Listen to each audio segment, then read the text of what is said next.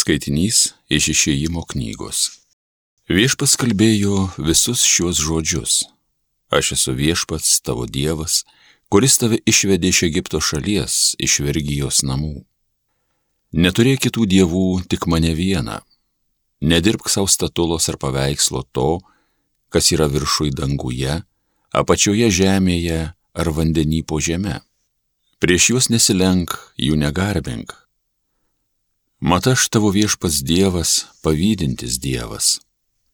Tiems, kurie priešiški man, aš esu Dievas, kuris išieško tėvų skolas iš vaikų iki trečiosios ar ketvirtosios kartos, o tiems, kurie myli mane ir laikosi mano įsakymų, aš esu Dievas, kuris tūkstančiams rodo malonę. Nepiknaudžiauk savo viešpaties Dievo vardu, nes viešpats nepaliks nenubaudęs, kas jo vardu piknaudžiauja. Atmink šventadienį švesti. Šešias dienas gali triūsti ir dirbti savo darbus visus. Tačiau septintoji diena yra tavo viešpačiui Dievui pašvestoji.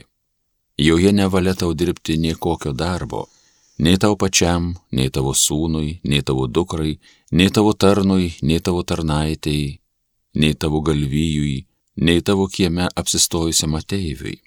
Juk viešpats per šešias dienas padarė dangų ir žemę ir jūrą ir visa, kas juose yra, o septintąją dieną ilsėjosi. Todėl ją palaimino viešpats ir šventą paskelbė. Gerbk savo tėvą ir motiną, kad ilgai gyventum krašte, kurį viešpats Dievas tau atiduoda.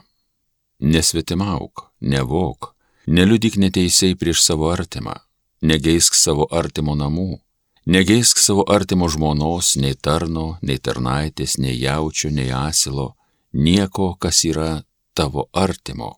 Tai Dievo žodis.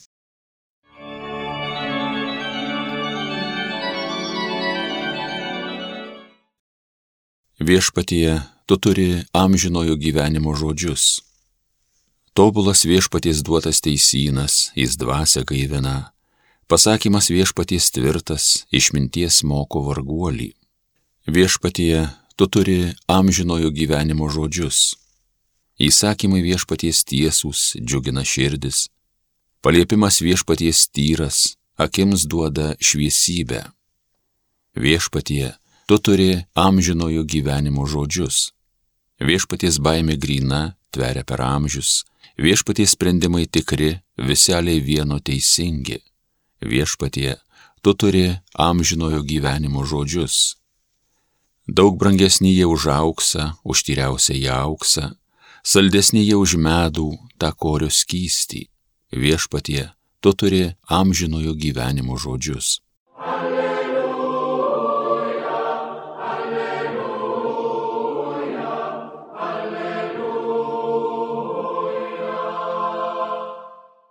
Palaiminti, kurie Dievo žodį išsaugo geroje širdyje ir duoda vaisių kantrumu. Alleluja, alleluja, alleluja. Iš Evangelijos pagal Matą. Jėzus kalbėjo savo mokiniams. O jūs man pasiklausykite palyginimo apie sėjėją. Pas kiekvieną, kuris girdi kalbant apie karalystę ir nesupranta, ateina piktasis ir išplėšia, kas buvo pasėta širdyje.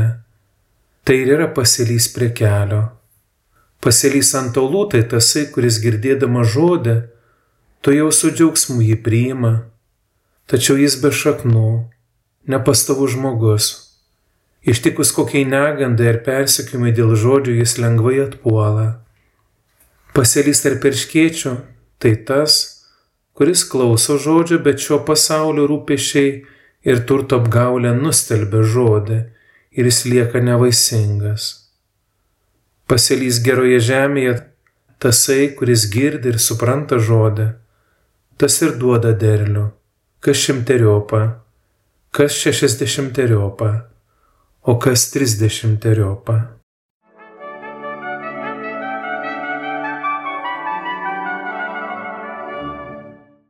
Pirmiausia yra įdomu tai, kad pasiklausę šios dienos Evangelijos esame sugražinami beveik dvi savaitės atgal, tai yra į 15 eilinį sekmadienį, kada klausėmės tos pačios ištraukos. Vat bažnyčia ir vėl kviečia mus apmastyti šias eilutes ir galbūt kažką naujo atrasti. Juk kas kart, kai kur nors nuvykstame antrą ar trečią kartą, net į tuos pačius dalykus mes žiūrėdami galime kažką naujo pamatyti. Pasitaiko gyvenime dalykų, kurie buvo visiškai šalia, o mes daug laiko tiesiog pro šalį įdami jų nepastebėdavome. Taip dažnai gal ir mums kas nors kartodavo tas pačias frazes, o žodžių, posakių ar patarimų gilesnę prasme tik neseniai mes pradėjome suvokti. Kai žvelgime į Jėzaus gyvenimą, mes pastebime, kad Jėzaus mokymo pradžioje nemažai buvo susižavėjusių naujojų mokytojų. Sekančiosius iš paskos stebino Jėzaus lydinti ženklai, kiek vėliau dalis sekėjų išsigando, o išsigando ko? Naujumo. Jėzus kalba kitaip, kviečia mąstyti kitaip. Reiškia, reikės keistis. Taip, Jėzaus žodžiai gali keisti mūsų gyvenimus. Mes galime anot apaštalo Pauliaus tapti naujais kūriniais. Tačiau tai kai kam nepatinka, nori pasilikti savo senajame aš. Kaip pastebėsime, Jėzus tampa nepageidaujama asmeniu savo gimtajame Nazarete, kur buvo užaugęs. Kiek vėliau ir Kafarnaumas jums priešintis naujovėms, apie kurias Jėzus kalba. Religiniai vadovai jums jį visai kaltinti ir laikyti jį netgi pamišusiu. Net namiškiai, ir kaip evangelistas Morkus pastebi, net motina yra susirūpinusi, kas darosi su Jėzumi. Jie ateina pasišnekėti. Jėzus atmetamas, nedaug juo beseka, kiti jo žodžiai. O brangus brolis sesė, pagalvokime, ar šiandien nėra panaši situacija. Juk ir šiandieną Jėzus, jo skelbiama žinia, irgi atmetama. Jėzaus Evangelija jau daugumą net mūsų pažįstamų visiškai nebeprakalbina. Ir kas atsitinka ir šiandien, kai panomėta paštus, taip ir mus gali apimti nusivylimas ir visiška desperacija.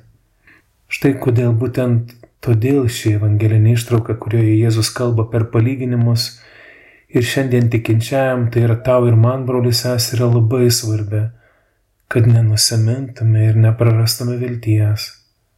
Turime suprasti, kad siejas viską gerai daro. Jis sėja Sėkla taip pat yra gera. Jis savyje turi jėgą. Su žeme yra šiokios tokios problemėlės, apie kurias turėtume susimastyti ir svarbiausia - neneikti tikrovės. Taigi eikime prie šių dirbų, prie šių žemę. Taigi pirmoji vieta, į kurią nukritusi sėkla nesudyksta, tai kelias.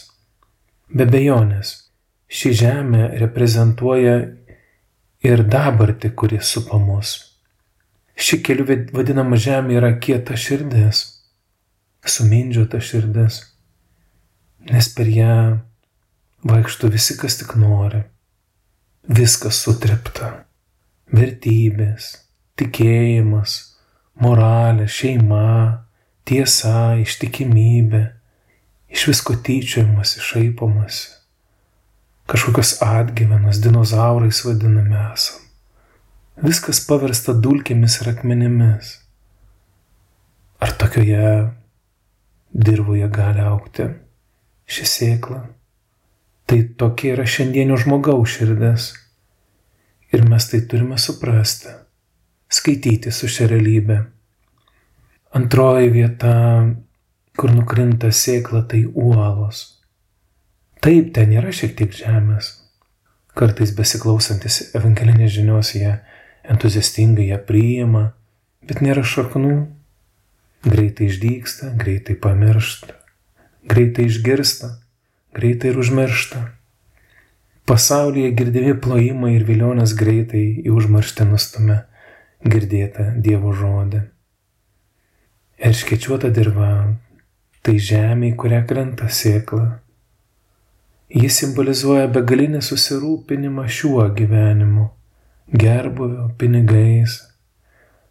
Visą tai nustelbė sėklą, nustelbė tai, kas turėtų būti pirmoje vietoje Kas tada įvyksta su žmogaus širdimi? Žmogus suabsoliutina šio pasaulio realybę ir visus džiaugsmus. Jam tai patampa stabu. Ši suabsoliutinta realybė nebeleidžia pažvelgti, iš kur viskas kyla, kas yra visako šaltinis ir pradžių pradžia. Save pastatome į Dievo vietą. Spigliai viską užgožia ir nustelbia. Na, pagaliau pasilys geroje žemėje.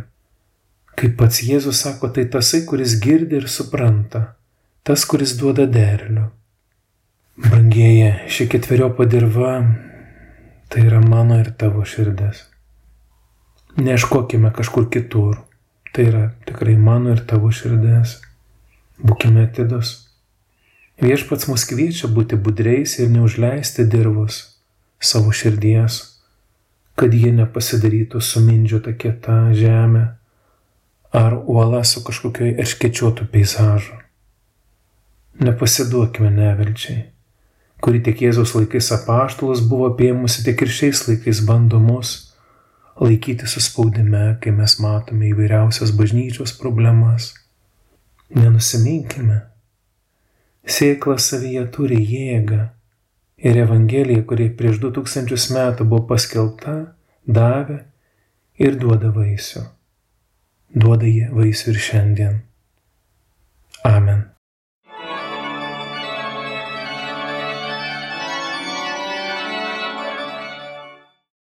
Homilija sakė kunigas Rolandas Karpavičius.